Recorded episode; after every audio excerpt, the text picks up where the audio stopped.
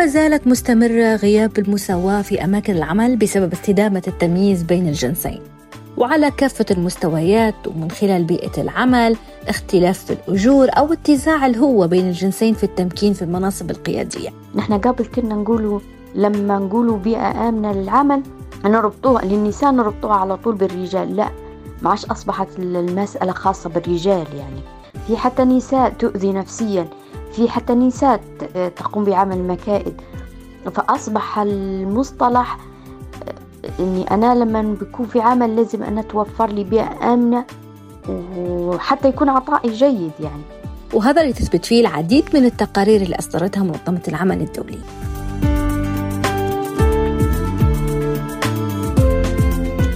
لكن قبل ما نحكوا على هذا كله خلينا نعرف كيف نحقق بيئة عمل آمنة وداعمة للنساء.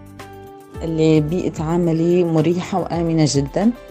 آه، أنا نشتغل في الجامعة كعضو هيئة تدريس. آه، بصراحة العمل الجامعي عمل محترم جدا. آه، المكان نشتغل فيه يعني ما نتعرضش فيه لأي مضايقات ممكنة. سواء من الطلبة سواء من أعضاء التدريس سواء من الإدارة. يعني كل الناس يحترموا فينا. بصراحة يعني بس لحظة لحظة. قبل ما نحكوا عن آليات تحقيقها خلينا نعرف شنو هي بيئة العمل الآمنة وشنو المعايير اللي نقدر نقيسوا بيهن أمان البيئة. هذه فبعد 2011 أصبح بيئة العمل بصفة عامة كوني أنا صحفية غير آمنة.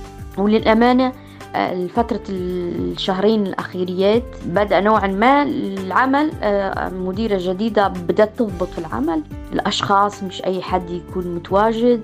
بيئة العمل في العمل الميداني هذه من أصعب ممكن تواجهها المرأة.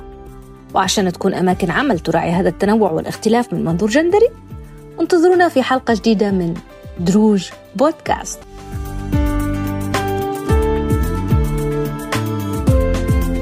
دروج بودكاست مع حنين بشوشة وشذا عبد اللطيف.